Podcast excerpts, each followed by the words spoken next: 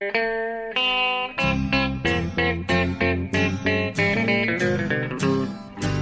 out there, we're on the air. It's hockey night tonight. Tension grows, the whistle blows, and the puck goes down the ice. The goalie jumps and the players bump, and the fans all go insane. Someone roars, Bobby scores at the good old hockey game. Oh, the good old hockey game is the best game you can name. Hallå, hallå, hallå, hallå, hallå, hallå, hallå, hallå. Yes, hallå, hallå och välkomna till eh, podcasten avsnitt nummer 227. Ja. Tror du sa. Du som är noga med eh, kronologin. Och Jajamän. du, det är Jonathan Ekeliv i Stockholm och jag, det är Per Bjurman i New York. Där vi plötsligt har fått eh, vår. Eh, det svänger ju så halsbrytande klimatet här i stan. Häromveckan var det ju arktiska vindar som Ja, kom. det var så svinkallt så det gick knappt att gå ut eh, förra veckan. Och nu är det, ja igår var det 15 grader varmt och kavaj och t-shirt väder. Oj, det var uteserveringarna var öppna till och med kanske. Ja, Oj, oj. Ja, det är sjukt hur det, hur det funkar. Jag kan säga att det är fortfarande bitande kyla här i Svedala. jaha. Jajamän, det ändras inte så drastiskt. Vi, vi är några månader kvar känns det som. Från 15 grader uteservering och t-shirt och shorts. Det tar nog ett litet tag för er ja. Ja. Just det. Ja, tyvärr. Ja, eh, vi, eh, vi, ska, vi, vi har en, ett nytt trevligt avsnitt framför oss här, eller hur? Ja, det har vi. Vi har ganska digert med, med stoff att eh, sätta tänderna i faktiskt. Så det kan bli ganska matigt här känner jag. Ja, nu händer det ju saker faktiskt nästan dagligdags eh, på trademarknaden.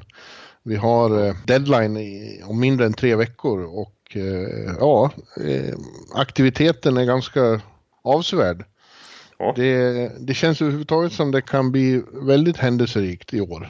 Ja, det känns verkligen så. Det är många feta namn som, alltså nu, som vi var inne på lite redan förra veckan, men som liksom känns helt... Ja, det börjar verkligen krypa närmare till och med Panarin ska ut på, på trademarknaden. Och vi har ju redan Matt Duchene och Mark Stone och kanske Wayne Simmons. Oj, vad vi ska diskutera feta eventuella trades här kommande veckorna. För det, det känns verkligen som att det kan bli hett i år. Ja, och precis innan vi börjar spela in här nu då på onsdags eh, förmiddagen, så, eller onsdagskvällen för dig, Ja. så kom det senaste eh, beskedet och det är att eh, Nashville tradar till sig Brian Boyle från New Jersey eh, mot ett andra val i kommande draft. Exakt. Och Brian Boyle har blivit lite, han är lite journeyman nu. Ja, det får man faktiskt säga alltså. Han, eh, det känns som ett eh, obligatoriskt inslag eh, vid den här tiden på året att Brian Boyle ska minsann skeppas till en contender. Ja, menar, men det är för att han har sånt rykte som väldigt bra slutspelspjäs. Ja, han brukar ju faktiskt höja sig i slutspelet. Och det vet ju jag som har haft han i Tampa Bay och du som har på nära håll sett han i Rangers ett antal säsonger när de har gått långt. Eh, han är ju liksom... Alltså, eh, bara en sån sak som 3 mot 5. Tycker jag att han är typ en av ligans bästa spelare. Han är otrolig med sin stora kropp. Jag brukar kalla honom för en finlandsfärja nästan. Som bara... Alltså hur duktig han är på att täcka skott och, och vara med och läsa spel och med sin långa reach, med sin långa klubba, bryta passningar och sånt där. Han känns som att han är ligans största expert nästan på den spelformen. Ja, han, han är ju en, en väldig karaktärsspelare. Liksom. Ja. Och ju mer som står på spel, desto bättre brukar han bli. Nu, eh, och det är också en extremt populär person. Ja. Eh, jag tror inte det finns någon som är så omtyckt där han har varit. Eh, och det eh, Nej. borde ha gått på sitt vis för, för Nashville, att han kom in i vad som verkar vara ett, ett väldigt bra gäng. Det känns som han kommer att passa extremt bra in där. Ja.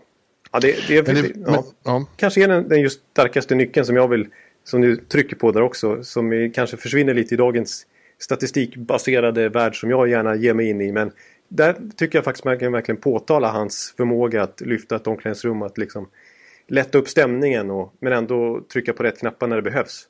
Alltså, var, Ja. som du säger, var han än har varit så har han varit en publikfavorit, en favorit i hela spelargruppen.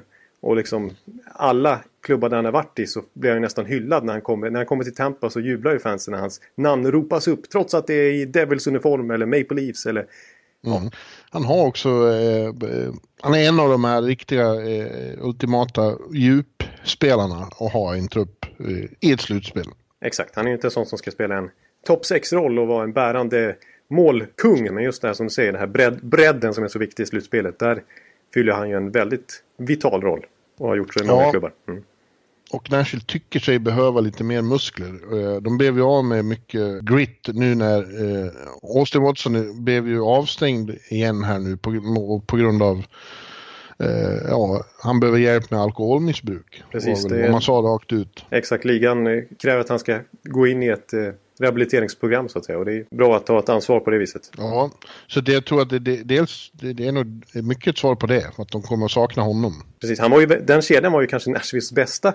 Kanske i alla fall i Colorado-serien med, med Bonino Visst var det Bonino, Sissons och Watson? Jag tror det i alla fall. Ja, så var det nog ja. Mm. Ja, han kanske är snabbare än eh, Boyle lite grann. Ja, det är men, många ändå, så, det, det är ändå, ja, Men det, det, är ändå, eh, man får mer sampapper med honom. Ja, jag, jag köper honom som en bra bidragande faktor i ett slutspel även 2019 faktiskt. Ja, men eh, det var ju ett ganska ordentligt pris. Ett, ett andra val. Jag ser att eh, många skriver om det att det är ett högt pris och att man hoppas att det eller eh, hoppas eller befarar att det sätter tonen inför fortsatta förhandlingar på andra håll. Jag ser att Rangers-fansen till exempel gnuggar händerna och säger att det här, det här eh, om det här är en precedent för vad man ska få för Zuccarello och Hayes så, så var det bra. Exakt, och det pratas om att en sån som Michael Furland ska gå för ett första val till exempel. Alltså ja. det, det, det, det kommer bli rätt höga priser nu när det blir huggsexa om spelarna. Ja, och som Zuccarello spelar på slutet så, så är han nästan, ja nu är han väl ett första val. Skulle jag vilja ja, det skulle jag säga och det är tack vare en svensk som vi ska komma in på senare. Ja, ja det känns som det kommer att fortsätta hända mycket de här kommande dagarna och veckorna och eh, redan innan Brian Boyle-traden eh, här då så hade vi en några dagar innan också där eh, Florida och Pittsburgh eh, i rätt mycket spelare mot spelare.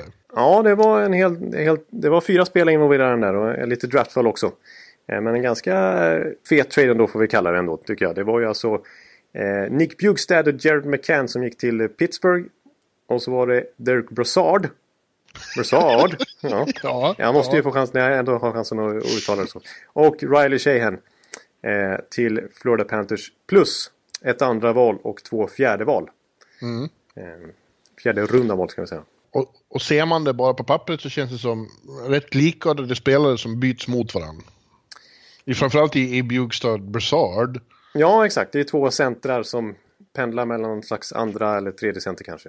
Ja, fast de ser olika ut då. Bjugstad är en stor jävel. Han är nästan två meter lång. Ja. ja. Eh, och grej, men grejen är ju den här att, att just eh, Rutherford i Pittsburgh har ju faktiskt en förmåga, tycker jag, har haft visat genom åren att han har en förmåga att identifiera exakt vad det är för slags pjäser han eh, behöver, eller Pittsburgh behöver. Ja. Så att jag tycker den känns intressant för deras del.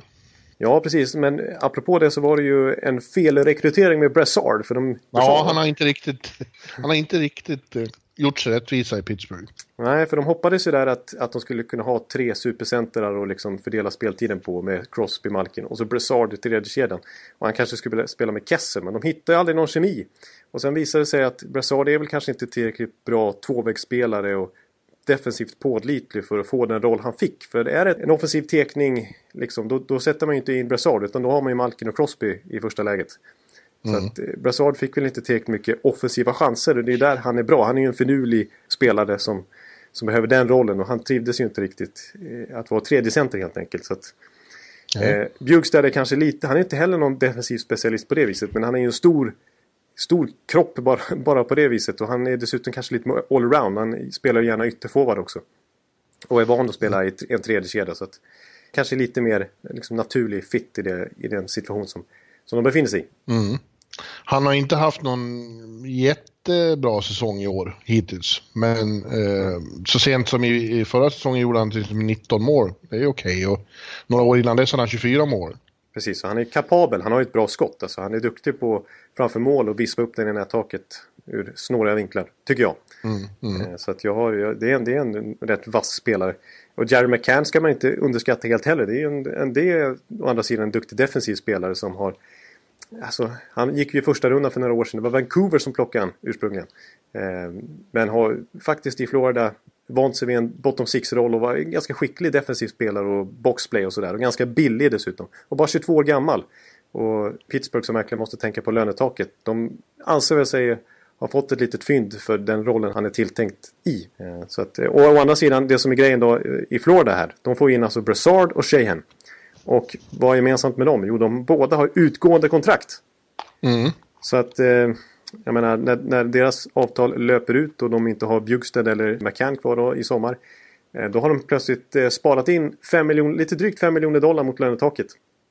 Och genast har det kommit vilda spekulationer, vilket pågått senaste månaden egentligen, om att Florida ska göra en ganska fet push för att ta in två Columbus-ryssar. Både Bobrovski och Panarin. Och de mm. gör helt enkelt utrymme för det. Och framförallt då kanske inte nu vid deadline utan allra helst i sommar när de kan ta dem gratis så att säga som UFA.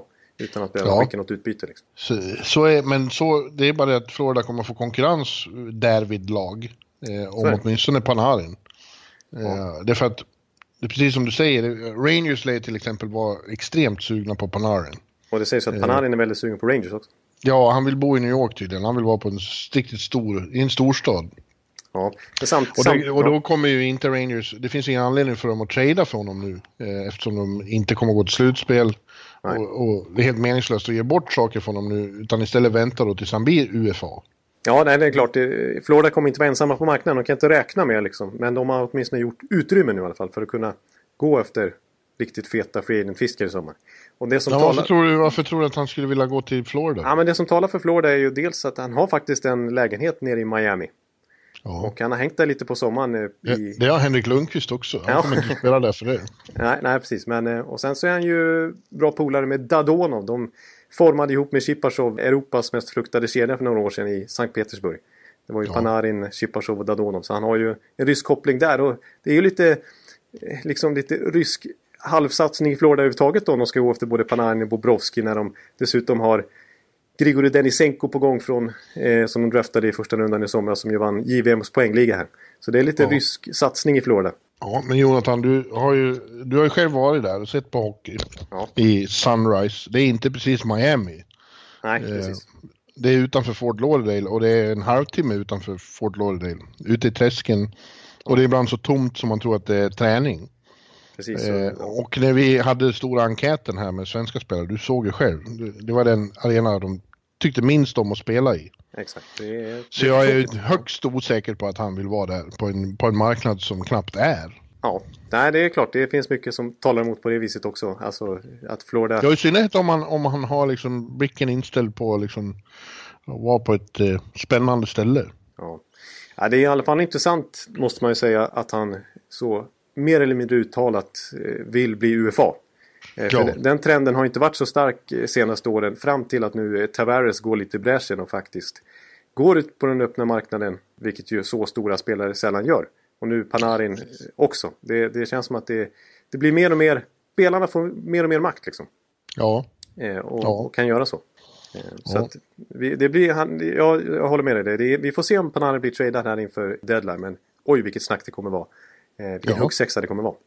Ja, men det är väl inte alls otänkbart att han blir tradad. Men då blir han ju tradad nu då som en rental eh, för, ett, eh, för en contender. Exakt. Och sen blir han UFA i alla fall. Och så får han gå till vilken klubb han vill helt enkelt. Ja. ja. Och eh, ja, jag, jag, kan ju försäkra att Rangers kommer att gå stenhårt efter honom för att få in Panarin och kanske till en back då. Det pratas till och med om Erik Karlsson. Då skulle ju den här rebuilden som hittills har, har gnisslat ganska ordentligt. Den skulle ju få sig en... en det är som att, skulle vara som att sätta startkablar till batteriet och bara få det explodera. Ja, då, då har de kommit en bra bit, en enorm bit på vägen helt plötsligt. Ja, de har ja. verkligen byggt om sitt lag. Och nu finns ju utrymmet här också med och, ja, och mer utrymme kommer att finnas, ja.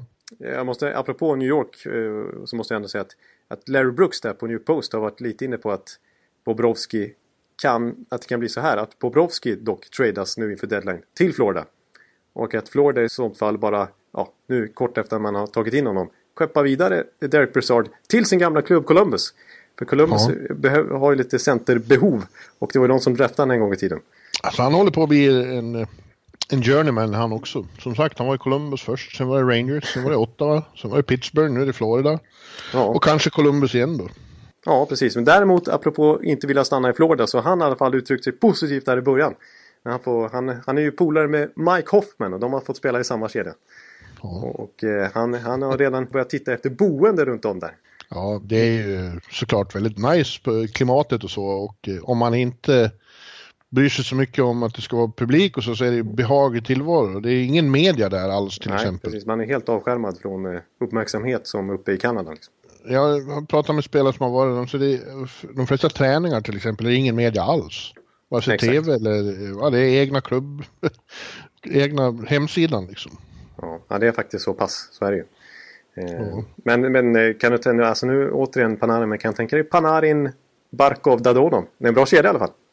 Verkligen, verkligen. Ja, men jag, jag, jag hör att det här är något du har fantiserat om. Ja, men jag, jag vill ju inte det för jag är ju Tampa-fan så det vore ju katastrof. Men, eh, jag, jag, så jag står hellre på din sida i den här diskussionen men jag tycker inte det är helt ologiskt ändå. Nej, Jag har ingen sida i den här diskussionen. Jag tror bara att det är tveksamt att han vill dit. Ja, låt mig säga så.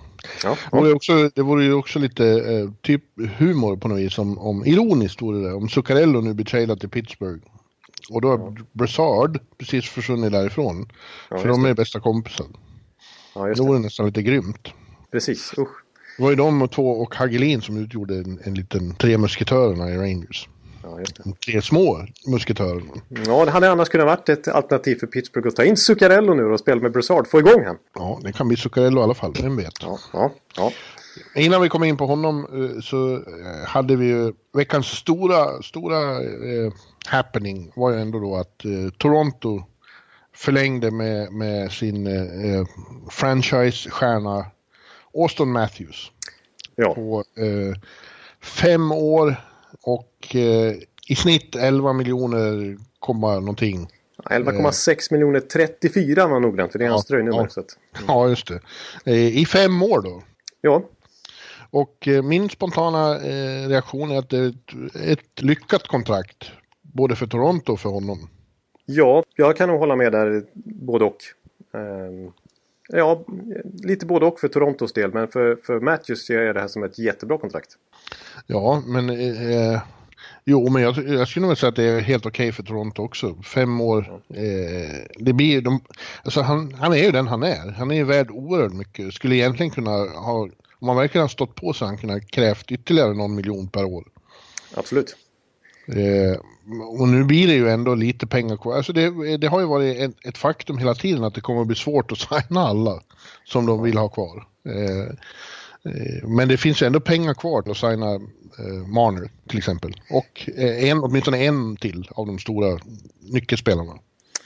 Ja, kanske det blir lite tufft. Det beror på lite hur mycket Marner kräver. Alltså, om man nöjer sig med 9 miljoner då kanske de kan få ihop ett... Vad har de kvar? 18 miljoner? Ja, så grejen är så här. Att med Matthews nu, Tavares och Nylander eh, uppbundna. Så det är 36 procent av lönetaket nästa år. Räknar man in Marner där också då kanske det går upp mot över 45 procent. Det är en hög andel vill jag säga. För att den, under lönetakseran, det lag som har vunnit Stanley Cup som har haft högst andel spenderat på bara fyra spelare. Det är Pittsburgh med Malkin, Letang, Crosby och Kessel. Det, det låg på 45 procent. Så det är, det är en hög andel. Men det går ju att vinna Stanley Cup på så, så mycket pengar uppbundet på få spelare. Men det är svårt. Ja, Eh, Men det är, det är så de måste göra. Och alltså det finns ju mycket att säga om det här kontraktet. Men det är ju helt tydligt nu i alla fall att eh, nu, nu är det bara att lägga massvis med pengar på unga spelare. För det är de som är bäst. Alltså de, man kommer in i sin prime tidigare. ja. Och, och det, det behövs inga sådana här bridge deals längre. Som, alltså, bara för några år sedan så såg vi hur liksom Gaudreau, McKinnon, Kutjerov sådana här stjärnor fick nöja sig med 6-7 miljoner. Men nu kan man ge... Ja, det är klart att Matthews är en franchise-spelare kanske på en ännu högre nivå. Men vi såg ju Dreisaitl för några år sedan också. Och Eichel här också. Liksom. Nu är det över 10 miljoner som gäller. Ja, men just i deras fall så är det väl så. Det finns inte så mycket liksom fundera på. De är ju så fruktansvärt bra. Elitklassen av de här unga. Ja. McDavid, Matthews, Eichel, några till. Ja, Nylander är väl en mer tveksam historia. Vi, vi får ju se vad Winnipeg gör med Patrick Laine nu. ja, Som, har, som har en rejäl måltorka. Där pratas det om att det faktiskt kan bli en bridge deal. ja, ja exakt. att man inte riktigt vet vad man har honom. ja, man Men de här, vet man ju vad man har. 10 miljoner på honom direkt nu. Liksom. de här vet man ju vad man har. Ja, alltså Matthews det är ju faktiskt sensationellt. Apropå Line till exempel som ses som den nästa kommande målkungen i NHL. Och redan inför den här säsongen pratar vi om att han kanske ska ta över tronen efter Ovechkin. Men faktum är att sen Austin Matthews klev in i ligan, nu har han varit en hel del skadad. Men om man räknar hans första, vad är det, 180 matcher någonting han har spelat hittills. Så är han den spelare som har gjort mest mål. Under ja. den perioden. Han har gjort mest mål sedan han klev in i ligan. Så att han är ju en riktig, riktig elitspelare. Och alltså verkligen elitmålskytt. Så det är klart att han ska ha mycket pengar. Och det som varit mycket diskuterat som är intressant med det här faktumet är ju att det är fem år och inte åtta år som vi har vant oss vid. Att, ja, att man vill ha. Och det, det som är intressant med det är ju att i Conor McDavids fall när han skrev på åtta års kontrakt då köper ju köper inom citationstecken Edmonton loss fyra UFA-år. Och är man UFA då, istället för RFA då, då är man ju unrestricted. Då kan man gå till vilken klubb man vill när kontraktet går ut. Är man RFA mm. så är man ändå fortfarande bunden till sin mm. nuvarande klubb som har första king. Eh, så att liksom, UFA är ju mer lukrativt så att säga.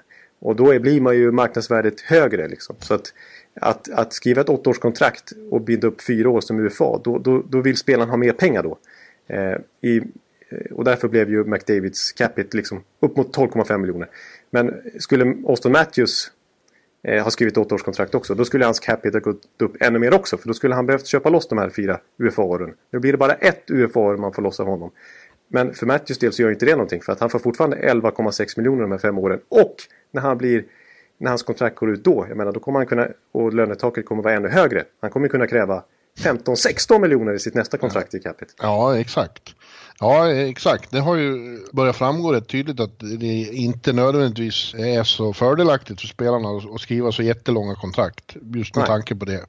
Att eh, några går omkring här med väldigt eh, underbetalda faktiskt. För ja. att de skrev långa kontrakt. Eh, ja, några av de här som har tio år och så, de är ju gravt underbetalda nu. Som Bäckström till exempel. Ja, precis. Och även de här som jag nämnde tidigare, McKinnon och Gaudreau och sådär. Ja, intressant också är ju att han får större delen av den här lönen som signing bonus. Eller hur? Det, det ja. påverkar inte något annat än att det faktum att han är garanterad sin lön. Det här är ju eh, protection mot eventuell konflikt då igen. Eh, att det blir strejk och så. Eller Exakt. lockout. Nu är han ändå garanterad sina pengar. Det här är ju lite underligt ändå. Det tror jag är något som ligan kommer att försöka få bort i, i nästa förhandling. Precis, det är verkligen något de, de inte vill ha. Och framförallt Toronto spelar så stor roll för, för de är så rika. Så det är, liksom, det är nästan glasspengar för dem höll jag på att säga. Men mm. för ett Carolina eller ett eh, Florida eller ett eh, Arizona så det, det, går ju nästan inte att, att eh, skicka ut en klumpsumma på 10 miljoner dollar som Austin Matthews ska få i första juli. Typ. Det, det, är för mycket pengar. Och det, så att visst, det kommer, ägarna kommer ju trycka på att vi kan inte ha 90% utbetalning i bonus liksom, på en klumpsumma första juli. Eh, istället Nej. för att fördela det som en vanlig lön månadsvis. Nej, precis. Att, ja. Nej, det blir underligt. Eh, men hur tror du sen då? Vad, vad är... Eh, om man ska pri, eh, rangordna viktighetsgraden hos de som också behöver signas sen. Eh, ja. Om vi tar Marner är nummer ett, det vet vi väl. Ja, precis. Han, han kommer nu verkligen vilja behålla. Eh, och ja. Vi får se nu. Det har varit mycket snack om att offersheeta honom för att verkligen sätta Toronto i skiten. Det vill säga komma med ett bud. Ja men det blir, det blir ju aldrig så. Nej jag, jag tror inte det blir så. Jag tror man överskattar lite det här med offersheet också. För ska man, det är ett ganska komplicerat system. Och eh, troligen för att komma upp i ett tillräckligt högt bud som Toronto inte kan matcha. Så måste man ju offra då uppemot fyra första val. Som mm. kompensation. Det funkar så. Det är inte bara att man får ta över en spelare rakt upp och ner. Utan då, måste, då finns det ju en förutbestämd tabell för hur mycket man ska offra.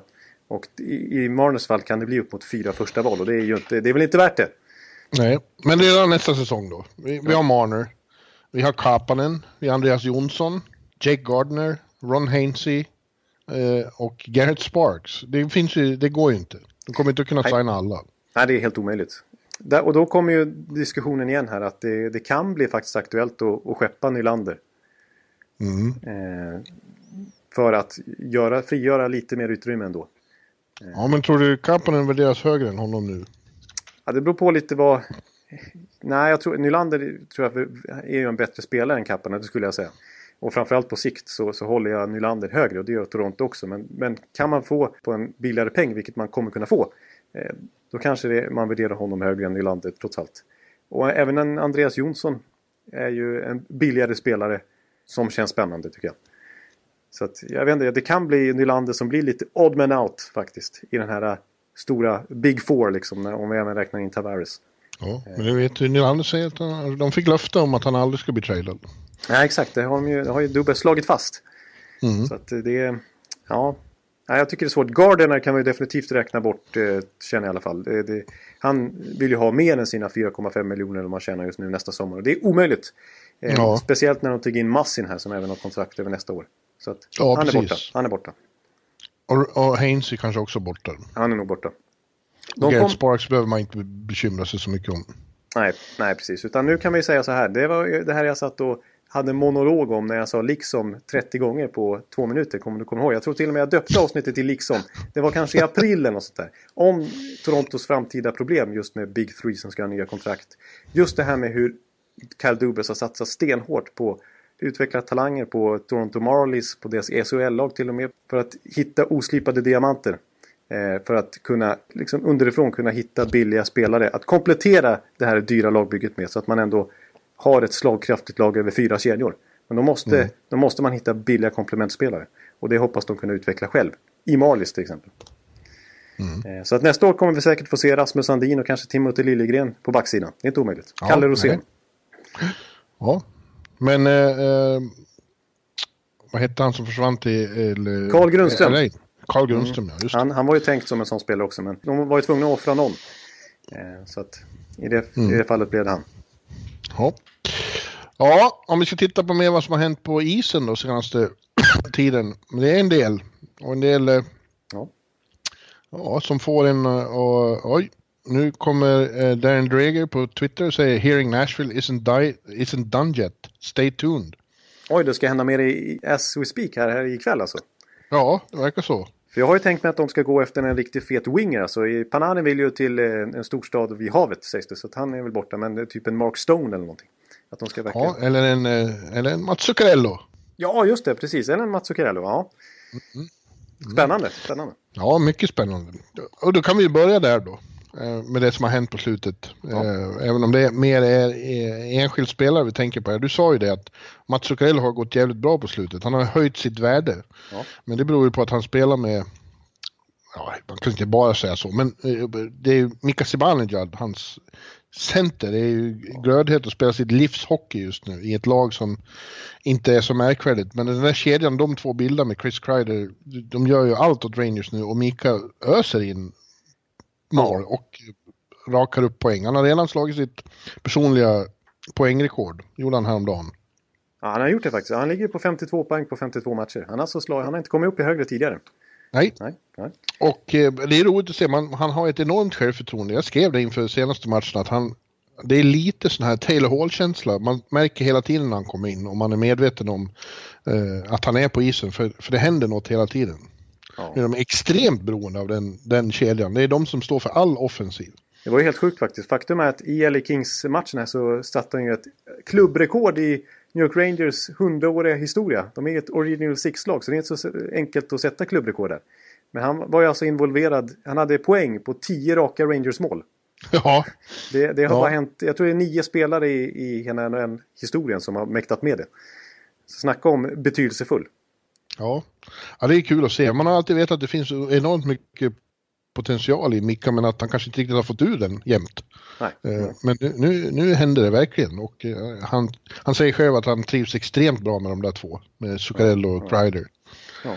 Zuccarello har ju efter en tung höst eh, verkligen börjat spela Zuccarello-hockey igen. Han slår ju så underbara passningar som ser ut att vara liksom, det ser så casual ut. Ja. Att han bara liksom snärtar lite med handlederna med den där långa klubban. Eh, Ja.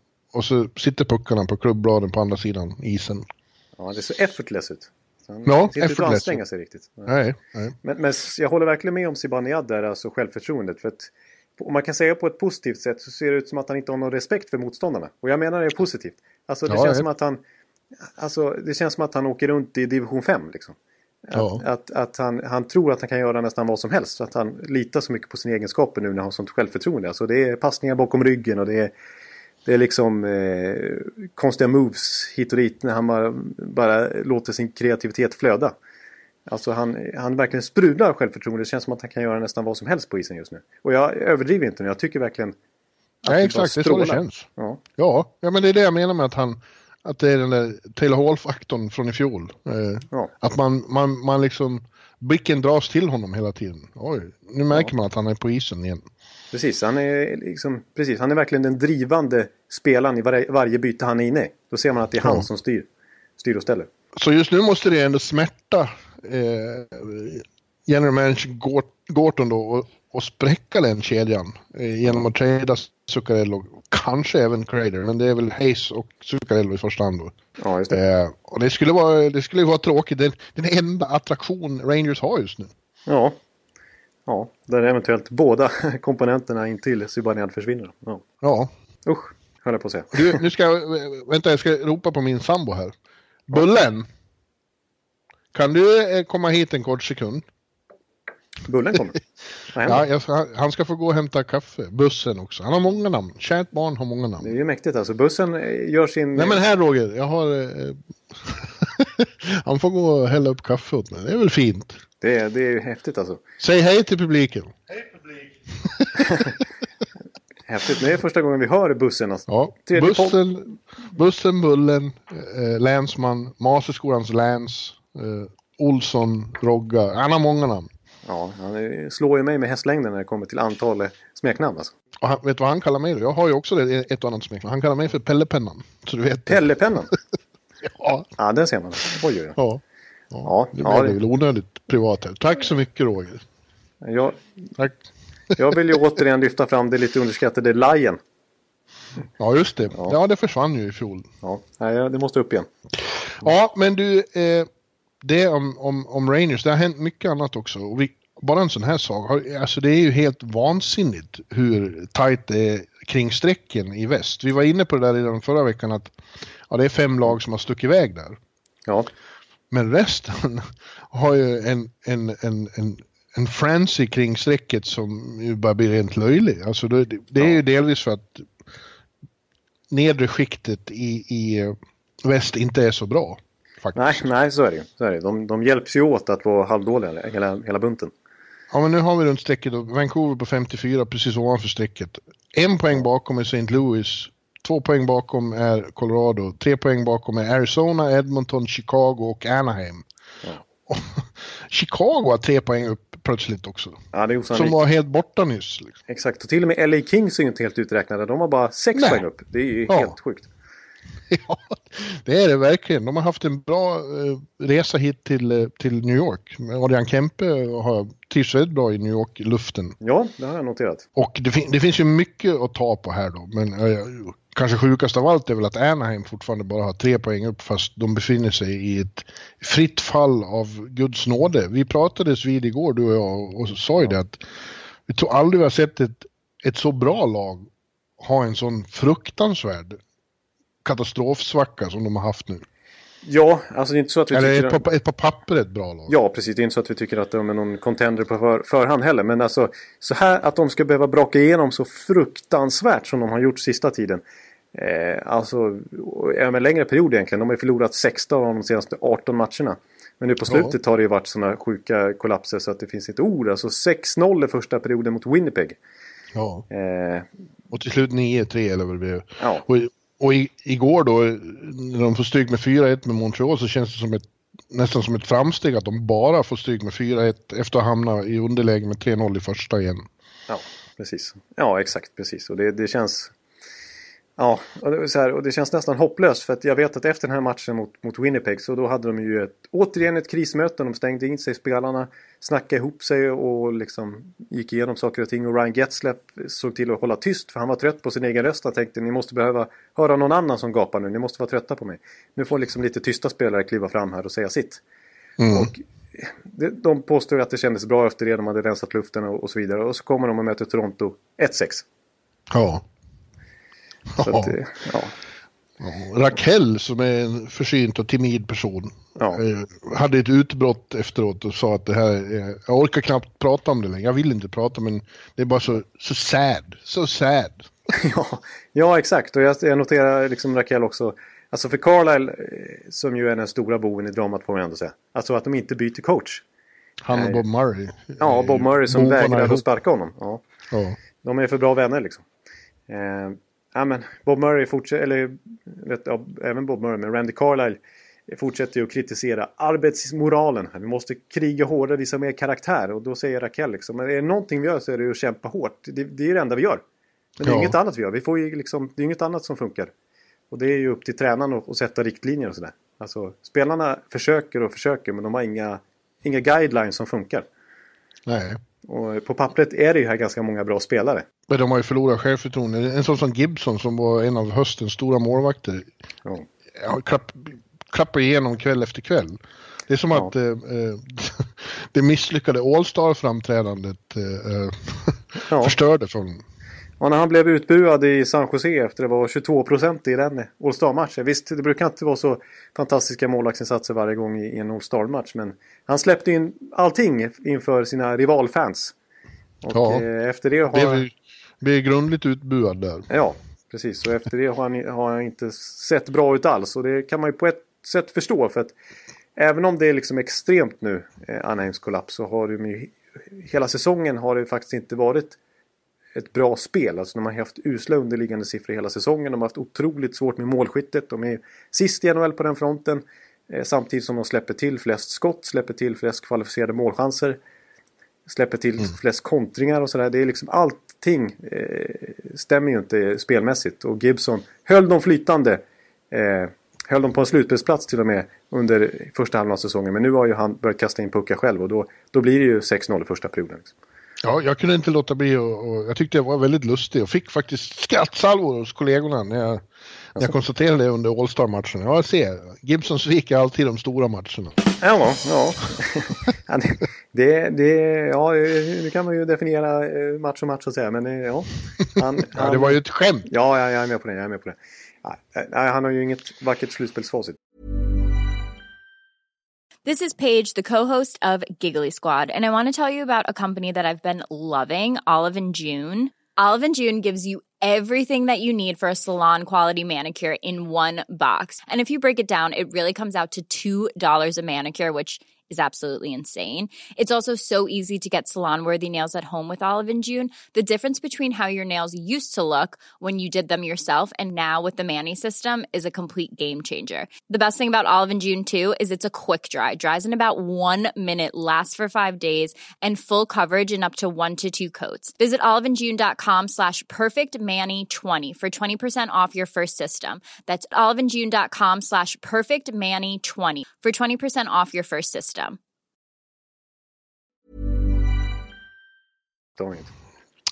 Väldigt intressant efter just Toronto-matchen var ju att då Jake Massin som precis har kommit från Los Angeles eh, till Toronto eh, och eh, känner Anaheim och känner västkonferensen väldigt väl. Han sa ju det att eh, eh, ja, det börjar bli jobbigt för, för lagen där borta och, och de här big guys i Anaheim. Ja. Eh, det går för fort och, och är för tekniskt drivet för dem när de kommer ut hit till öst. Den här hockeyn vi spelar här ute, den är rätt överlägsen den som spelas i väst. Och det där är ju intressant för att för bara några år sedan så var ju, kändes det som att väst dominerade öst kraftigt. Exakt, det var ju verkligen tydligt. Mm. Ja, med sin, med sin storlek och sin... Alla lag var så jävla stora och starka och svåra att komma åt. Nu är det verkligen tvärtom. Och som av en händelse så har ju inte ett västlag vunnit Stanley Cup sedan 2015 heller. Ja, det är sant. På den tiden var det ju verkligen dynastierna för LA Kings och Chicago i sitt esse. Och vi hade ett ja. tungt St. Louis-lag som, som gick långt ofta. Medan mm. på, borta i öst så var det ju liksom ett ganska tungt Rangers med Boyle och Callahan och sådär. Som ofta gick långt och Boston Bruins med Lucius och sådär. Men det har ju svängt totalt sedan den typen av hockey bara för 4-5 år sedan. Ja, de enda, enda östlag som bröt in och vann under den här eran var just Boston och det var det enda lag i öst som påminde om västlagen. Exakt, exakt. Men nu har det svängt och det är intressant att just han säger det, liksom, som, som verkligen precis har kommit från väst. Att, att det är den här extremt snabba eh, och skickliga hockeyn som Toronto, Tampa och sådana spelar. Det, det, det, det, kan inte man hantera i, i till exempel Anaheim. Nej, för vi ser på Anaheim, deras gamla core-spelare. Alltså Getzlaff har en klart tyngre säsong i år, även om han är fortfarande en toppspelare får vi ändå kalla honom. Men, men Ryan Kessler är ju slut som han är så slut så det, alltså det, han är så slut så det är helt otroligt. Han har ju liksom... Sen, ja, men han har, om man räknar eh, poäng sett i speltid eh, så blir han ju utklassad av sådana som Dan Girardi och Travis Hammonick och Mark Stahl. Ja. Men han är ändå forward så att det, det, det, är inte alls bra. Och Corey Perry har ju nu kommit tillbaka i alla fall men hans bästa dagar är ju onekligen räknade också. Han pikade ju någonstans 2011 när den typen av hockey premierades. Så det ser tungt ut. Och visst, de har försökt att ta in lite så Daniel Språng och den typen av spelare men det är inte tillräckligt bra kvalitet för att kompensera. Nej. Mm. Nej, eh, anmärkningsvärt är vad det är. Andra eh, går det ju som sagt plötsligt lite bättre för. Vi, vi nämnde ju Chicago i förbigående. Och de hade vi sådana enorma problem med. Ja, ja. Eller de, vi hade inte så problem med dem, men de hade ja. sådana enorma problem i början av säsongen och, och kändes som de var bort, borta. Liksom. Ja, Av, avhängda. Och nu som sagt är det bara tre poäng upp och de har vunnit fem raka och, och har något väldigt fint på gång igen. Ja, precis. Och Patrick Kane är ju helt sensationell just nu. Han är ju ja, ligans överlägset hetaste spelare senaste månaden kan man väl säga. Han har gjort ja. upp över 40 poäng de senaste 20 matcherna och sånt där. Eh. Och har en liten ny svensk radarpartner i en back där, Erik Gustafsson, ja. som ju verkligen har slagit igenom nu och gjorde sitt elfte mål igår. På det leder han sven svenska backarnas målliga överlägset för eh, Hedman och, och, Oliver och Kringberg. De har sju. Han har elva och är också då delad fyra i sammanlagda eh, statistiken för mål för backar. Ja, det är, det är ganska sensationellt. Han var ju lite dålig eh, innan den här säsongen. Ja, precis. Och det är ju, det är ju en Jeremy Colleton-favorit. Ja. Han var ju nere och fick nytt självförtroende hos honom i Rockford. Och sen kallades han upp i fjol och gjorde det bra då. Fick ju ett nytt fint kontrakt förra säsongen. Eh, och nu i år så har han ju, sen Colleton tog över, har han ju blivit första back.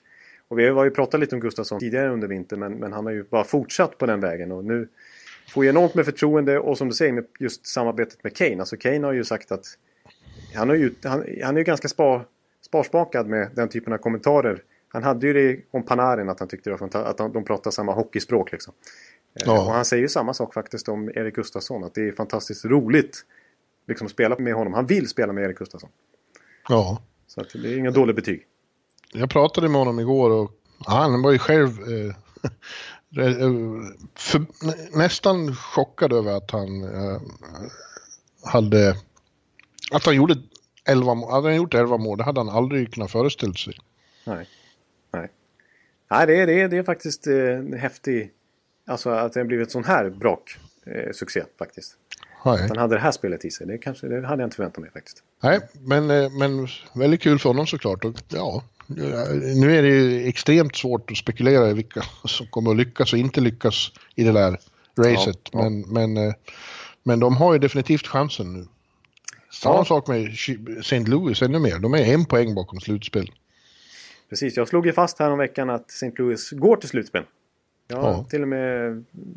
Jag hade inte ett bett så att jag hade något att förlora på det. Men, eh, men jag slog ju fast i alla fall. Ja. Där är faktiskt Jordan Binnington, alltså om vi ska ha en övergång till, till öst sen vad unga målvakter kan göra för lag så har ju faktiskt Jordan Binnington halvt om halvt petat Jake Allen där. Och eh, stoppat väldigt mycket puckar. Som gjort att eh, mm. Blues har klättrat i tabellen ordentligt och tagit en helt gäng med segrar här på slutet. Ja. Ja. Men faktum är att det börjar egentligen bli lite intressant i öst också då. Mm. Eh, nu, nu räddade eh, Columbus livhanken lite genom, genom att snappa ur sin svacka och slå Colorado igår eh, på bortaplan. Colorado som... Ja, de faller ihop. Har, ja, det är anmärkningsvärt. Ja. Eh, därför håller de undan lite då, men Buffalo och Carolina vann båda två. Carolina genom att nolla eh, Pittsburgh. Och, ja. eh, de är bara några få poäng bakom. Och sen kommer ju Philadelphia mullrande bakifrån. Ja. Där ja. har vi ju också en, en, en, sensation faktiskt. De är ju hetast i ligan, åtta raka.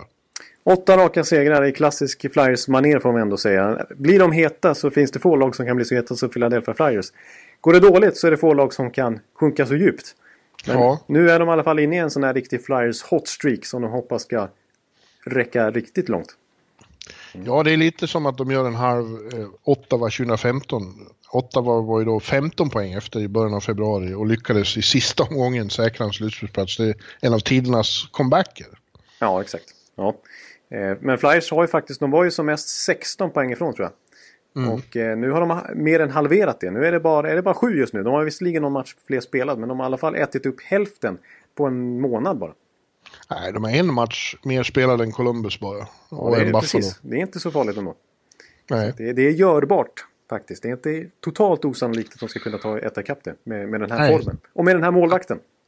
Ja, just det. Det är ju den stora skillnaden känns det som. Att eh, Carter Hart har gått in och, och spelat drömhockey och är plötsligt... eh, Ja, att Flyers har en, en Morris. Ja, det har de inte haft på... Sen Ron Hextall själv stod i mål, höll jag på att säga. Jag menar, innan Carter Hart så har vi har ju haft... Han är ju sjunde målvakten liksom. Bara den här säsongen. Och som de har jagat första målvakt i hela 2000-talet egentligen.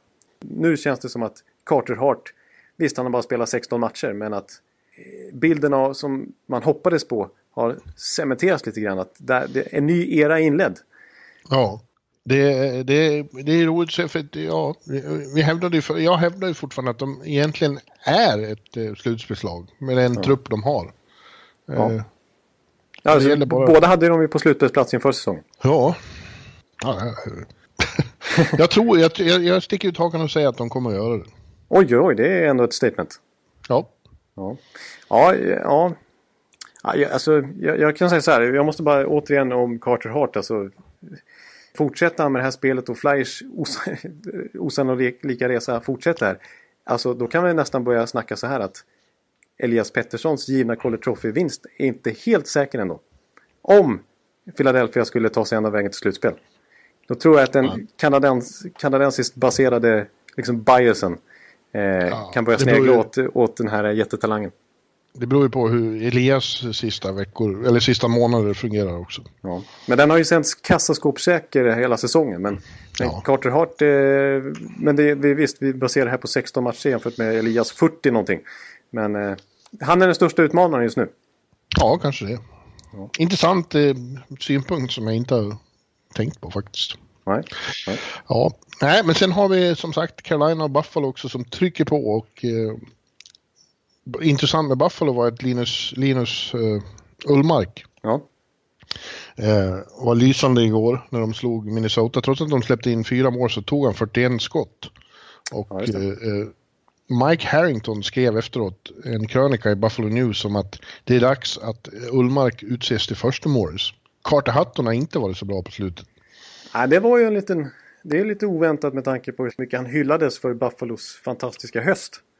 Ja, Men faktum är att där bakom så gjorde ju Ullmark en väldigt stark höst också. Han, han var ju den... Han är, det, jag antar att det fortfarande är så, men han var ju länge den backup-keeper som hade flest segrar. Eh, Så att det är inte... Det är, inte, det är inte helt orimligt. Alltså. Han har gjort en jättestark säsong. Sin första som liksom riktigt ordinarie backup. ja. Eh, Det är ett statement. Ja, det, ja, det är vilken, vilken målvaktssäsong vi har. Jag menar, Markström har, har verkligen klivit fram, tagit ett steg till i Vancouver. Vi har ledaren i liksom de stora statistiska kategorierna i Robin Lehner. Ja, ja, han är sensationell. Ja, och så har vi dessutom Ullmark på gång här också. Ja. Det, det är bra. Ja. Mm. Eh, sen hade vi, ja, igår så hände ju också det då när Washington spelade. Är vi framme där nu? Ja, vi kan, vi kan vara framme. Jag tycker vi är framme där. Ja, för att eh, när Washington igår slog då just eh, Vancouver eh, så hade Alex Ovechkin eh, en assist på ett TJ Oshie-mål. Ja. Och den gick, därmed kom han upp i sammanlagt 1180 poäng i karriären och övertog första platsen i ryska all time-ligan från eh, Sergej Fedorov. Han är nu alltså den ryss eh, som har gjort mest poäng i hela NHL-historien. Eh, och det är ju magnifikt förstås. Ja, Eh, och då tänkte vi att vi skulle ja, dels hylla honom då, vilket vi härmed gör. Ja. Han, är- han, han är eh, den största ryssen någonsin kanske och det säger fan inte lite. Nej. Men vi tänkte vi skulle eh, ja, eh, prata lite ryska favoriter i, i NHL genom åren. ja det är ju, det är ju ett roligt ämne tycker jag. För Ja. ryska spelare är ju underhållande på många sätt och inte minst på isen tycker jag. Ja, precis. Ja. Eh, För mig, eh, när jag tänker ryska hockeyspel, då blir det ju rätt mycket eftersom jag såg hockey på 70-80-talet. Några som ju var fullständigt sanslöst bra hockeyspelare, men det var inte NHL i första hand. Ja, exakt. För det, det, det ska man ändå komma ihåg när, när Ovi slår det här rekordet. Att många enormt stora ryska spelare har ju inte ens spelat i NHL. Eller bara Nej, sluttampen om man, om man tar... Nej, precis. Om man tar 70-talet, de spelade inte alls. Shalamov och Petrov och Mikhailov. Nej, exakt. eh, Nej. och Maltsev och Jakushev. Stora favoriter. Jag kommer ihåg, de var så bra. Ja, och sen på 80-talet då så var det, var det Makarov och, och, och Larionov och uh, Krutov då. Just det. Och de- Super... så- Big Red Machine. Ja, och de är inte på topp 10-listan, men det är som du säger, det var ju först i slutet av sina karriärer de kom till, till NHL, precis som, precis som Fetisov då. Ja, exakt. Så att, ja, de, alla de ska ju nämnas. Shalamov till exempel, vilken otrolig hockeyspelare. Ja, det, säger jag. det här kan ju inte jag verifiera, men jag, jag förstår ju. Jag förstår Nej, ju. men, och, och Larionov och Makarov har du ändå Ja, lite koll på. Jag har ju sett dokumentärerna så, såklart. Ja. Och jag har sett YouTube-klipp och allt möjligt. Så att jag... Ja, de var ju... Men eh, ja. topp 10 top 10 på den här eh, då, all time-listan är ju efter Ovechkin så är det som sagt Fedorov då. Sen är det Mogilny, Kovalev, Malkin, Datsjuk, Koslov, Kovalchuk, Gonchar och Yashin. ja, just det. Och på elfte plats Bure. Pavel Bure. Pavel Bure, ja, det är en favorit för mig. Ja, han eh, som var så ohyggligt snabb. Hans, när, han, när han kom i fart var ju eh, magiskt. Alltså tänk dig han i dagens hockey. Ja, 1,78 lång och sen med den farten han hade. Han, hade ju, han är som klippt och skuren för 2019 hockey liksom. ja eller hur? Ja. Eh, men, men jag måste säga då eh, Datsjuk också. Ja, Eh, hockeypoeten. alltså jag, jag vet inte, jag har jämfört han någon gång med hockeyns Roger Federer. Ja, Liksom hur elegant allting är. Alltså Federers enhandsbacken, liksom, raka enhandsbacken och, och liksom Pavel Datsjuks klubbteknik som också är lite effortless på något vis. Hur han åkte, åkte runt och det såg knappt ut som att han tog... Jag tyckte ofta han gled runt men fick ändå med sig fart hela tiden. Alltså, det kändes alltid som att han var ett steg för. Det är en klyscha att man ligger ett steg före men så var det ju för hans del. Det kändes som att han... Just det, bara ett sån grej. Alltså, han, var ju, han är ju en mästare på schack. Det är ju inte, det är inte oväntat. Men alltså, Pavel Datsjuk är ju fullständigt sensationellt bra på schack. Han skulle ju nästan kunna hota världseliten. Det är sant. är det sant? Det är sant. Det är sant. Han spelade Jaha. jättemycket schack när han var liten. Och, eh, och mötte så här gubbar som var 60 år och spelade schack hela sina liv och han krossade dem. Liksom. Eh, Men det, det jag tycker var mest eh, häpnadsväckande med honom var ju att han lyckades göra så mycket helt oväntade saker. Han var så irrationell och Detroit-spelare, svenskarna han spelade med sa ju det att de var de satt ibland på, på bänken och, och bara gapade och vad kom det därifrån? Det har jag aldrig sett honom göra. Och, nej. till exempel straffvarianter eller, eller den här gången han, när han bara försvinner och två, eh, två San Jose-backar krockar. Ja, exakt. Ja, ja. ja alltså han, har ju- han har uppfunnit flera varianter höll jag på att säga. Alltså saker som man aldrig har sett förut. Så här, toe drag fint och sånt där ser man ju alla spelare göra. Men Datsjuk har ju några varianter som, som ingen annan kan replikera i matchfart. Ja. Liksom. Eh, Och ibland är det, var det nästan negativt eh, för, för hans eget lag. För att den enda som förstod hans passning var han själv. Hade liksom lagkamrater fattat Ja, det. Han hade fått ett friläge exakt. liksom. Datsjuk, Da- Datsjuk som virtuos var något speciellt. Även om vi räknar in alla nationaliteter. Liksom. Ja. Men även Kovalev var ju en artist av, av, av Guds nåde, liksom. Eller, mer bohemisk. Liksom. Men, när han, var- men när han var på humör så var det ju otroligt underhållande att se honom. Ja, om man ska generalisera ryssa, ryska spelare som humörspelare så, så hjälpte ju Kovalev till med det. Att förstärka den bilden så att säga. Ja. Han, han kunde ju vara jättedålig men så, som du säger, han hade, hans högsta nivå är ju på eh, den yppersta klassen. Genom Ja. tiderna. Faktiskt. ja. Det, han har jag fått uppleva också. Alltså, Bure känns som den första ryssen jag riktigt fastnade för. Men Ko- Kovalev är ju med där också. Kan ju inte hänvisa till CCSP-dagarna. Tyvärr alltså. Nej, nej, men... eh, Nej, men... För fan. Ja. Men faktum är ju så här att måste jag också påpeka apropå att eh, liksom ryska spelare att, att Ovechkin redan nu vid 33-34 års ålder kan slå det här rekordet. Att, att hela det här gänget vi tidigare nämnde inte har kommit upp i så många NHL-matcher. Alltså så sent som Malkin när han skulle sticka till NHL så var det ju svårt för honom att lämna Ryssland. Nu är det ju betydligt lättare men vi pratar 2005-2006 någonstans. Han fick ju fly från sitt lag, Metallurg, eh, Magnitogorsk, eh, på flygplatsen i Finland. De hade spelat någon försäsongsmatch där. Gömma sig i en lägenhet, smusslas tillbaks till flygplatsen och åka till Los Angeles och sen till Pittsburgh. Och, och eh, var ju, anmälde sig försvunnen i flera dagar och det var massa rubriker då om att han, vart, vart har Malkin tagit vägen? För att han, han skulle ju absolut, absolut till inget pris släppas av, av den ryska ligan då. Det var ju en enorm prestige och en, ett kallt krig lite grann faktiskt mellan USA och Ryssland i hockeysynpunkt. Så sent som för 10-15 år sedan. Alltså. Mm. Att, eh, ja, fast nu är, nu är det ju... Eh, det var ju, back in the day var det ju diktatur och de fick ja. inte resa ut ur, ur Sovjetunionen. Men nu får de. Mogilny var väl ett sånt typiskt exempel också som på riktigt smugglades typ till NHL. Ja, han hoppade av. Som heter. Ja. Defekter. Ja. ja, exakt. Ja, ja, jag är glad att vi har dem. Det är ju mycket, en del fördomar om ryssar. Ibland lever de väl upp till det också, att de inte är liksom lagspelare i första hand. Men, men eh, de är allmänt lite underskattade tycker jag. En som verkligen har fått den stämpeln på sig är ju Ovechkin. Men han krossar allt form av spekulation kring det. Eh, när han ju, vad, vad han gjorde förra våren här. Ja. Gör 15 mål i slutspelet. Är fullständigt grym i alla avgörande matcher. Och får lyfta bucklan som MVP för Washington. Så att, den myten har han dödat totalt också. Ja. Ja. Ja. Lite ryss, eh, ryssnack jag tyckte jag var skönt. Ja, det var härligt. Rysk, rysk vår. Rysk vår ja, ja precis. Ja, vi, får ju, vi har redan pratat Panarin och Bobrovski så vi får väl anledning att återkomma till lite ryska stjärnor.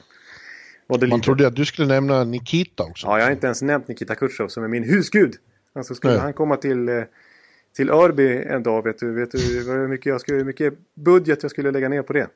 Eh, för att välkomna honom, vet du. Ja. ja, men du, jag tror, är vi klara för den här veckan nu? Ja, men vi har ju, det tycker jag vi kan, vi kan nöja oss där. Eh, ja. Vi, vi, fick inte mer av om Nashville gör något mer. Du har inte sett något mer va? Ja, jag sitter faktiskt och tittar på det just nu. Var därför jag lät, lät lite frånvarande kanske. Ja. Ja. Eh, vänta, nu ska vi se. Här är det Darren Drager skriver nu Carolina Hurricanes have pulled back a bit in the effort to trade Mike Fairland. Okej, de, de tror sig kunna ta sig till slutspel då kanske? Ja, see how the next few games go. May use Fairland as an own rental in playoff push. Ja, ja varför inte? Ja, spännande. Spännande. Ja, ja eh, vi kommer säkerligen att ha fler... Eh, eh va? Jaså? Predators are reacquiring Cody McLeod from Rangers for, I believe, a seventh round pick. Trade call hasn't happened yet. det är oj, sant! Oj, oj, det här var det största. Här har vi suttit och byggt upp förväntningarna och pratat om Panarin och Mark Stone och Mats Zuccarello. Det här, det, det här är ju det största skämtet jag varit med om. ja, ja. Då ska ha McLeod. Ja, då blir det ingen Stanley Cup. Nej, nej tyvärr. Grattis Winnipeg och Vegas och eh, San Jose. Ja. På västsidan. Helvete kan de göra det. Honom har man suttit här och, och, och, och grimaserat åt hela hela hösten och vintern i New York. För att han är så dålig på att spela hockey. Ja, jag tappar, tappar lusten till allting just nu. ja, det var Nashville, inte Tampa. Ja, det, då hade jag ju lagt på direkt kan jag säga. Då hade vi fått lägga ner podden den här närmsta månaden. Jag förstår att du tror att jag skojar, men det är sant. Det är Pierre Lebruns eh, riktiga konto. Det är blå... blå eh, det är ingen eh, Pierre Lebrune. Och följer, och följer mig. Oj. Ja, ja. Ja, grattis Rangers. Ja, ja, skickligt gjort av Gorton eh, att lyckas bli av med Cole McLeod. Det är ju en bedrift. Ja, men då är väl David Quinn sur, för han älskar ju honom på isen. Ja, det är ju sant visserligen. Oj, ja, nej, nu, nu vill jag nästan lägga ner här. Nu blir jag, nu blir jag, nu blir jag, nu blir jag barsk. Ja, ja, nej men du, eh, vi, säger, vi avslutar med den bomben. Ja, det var faktiskt en bomb. Ja. Det var större än Austin Matthews kontrakt vill jag säga. ja. Veckans nyhet. Ja. ja, men du, eh, då tackar vi för den här veckan. Ja, det gör vi. Vi kommer garanterat att ha fler trader att prata om nästa vecka. Precis, och vi kan ju, om vi inte redan sagt i något annat sammanhang så kan vi slå fast att det blir en... Det blev ingen förra året faktiskt. Eh, men i år så blir det trade deadline-sändning på, på den 25 februari på Sportbladet. Ja, vad härligt. Så att eh, tre timmars livesändning kommer det bli. Underbart. Mm. Så att, ja. Men vi, vi hörs tidigare än så. Yes, det gör vi. Ha det gott allihopa. Hej hej! Hej! Hallå, hallå, hallå! Hallå, hallå, hallå! Alex Chiazot, Joe Luis Arena och Esposito. Esposito. Uttalsproblem, men vi tjötar ändå. Och alla kan vara lugna, inspelningsknappen är på. Bjuder Hanna Kohl, han är grym i sin roll. Från Kållesoffan har han fullständig kontroll på det som händer och sker. Det blir ju allt fler som rattar in hans blogg. Och lyssna på hans podd. One, two, punch, speed, so Hallå, hallå, hallå. One, two, punch, speed, so Hallå, hallå, hallå. Ekeliv, som är ung och har driv. Verkar stor och stark och känns allmänt massiv. Han hejar på Tampa och älskar Hedman. Sjunger som Sinatra. Ja, och där ser man. Nu är det dags för refräng. Dags för magi, Victor Norén. Du är ett geni. Så stand up at home and remove your hats. Höj volym, för nu är det plats. One, two, punch, speed, so Hallå, hallå, hallå. One, two, punch, speed, so Hallå, hallå, hallå. One, two, punch, speed, so Hallå, hallå, hallå. One, two, punch, speed, so Hallå, hallå, hallå. Det är otroligt länge sedan båda samtidigt var så här bra. Hallå, hallå, hallå. Det är otroligt länge sedan båda samtidigt var så här bra.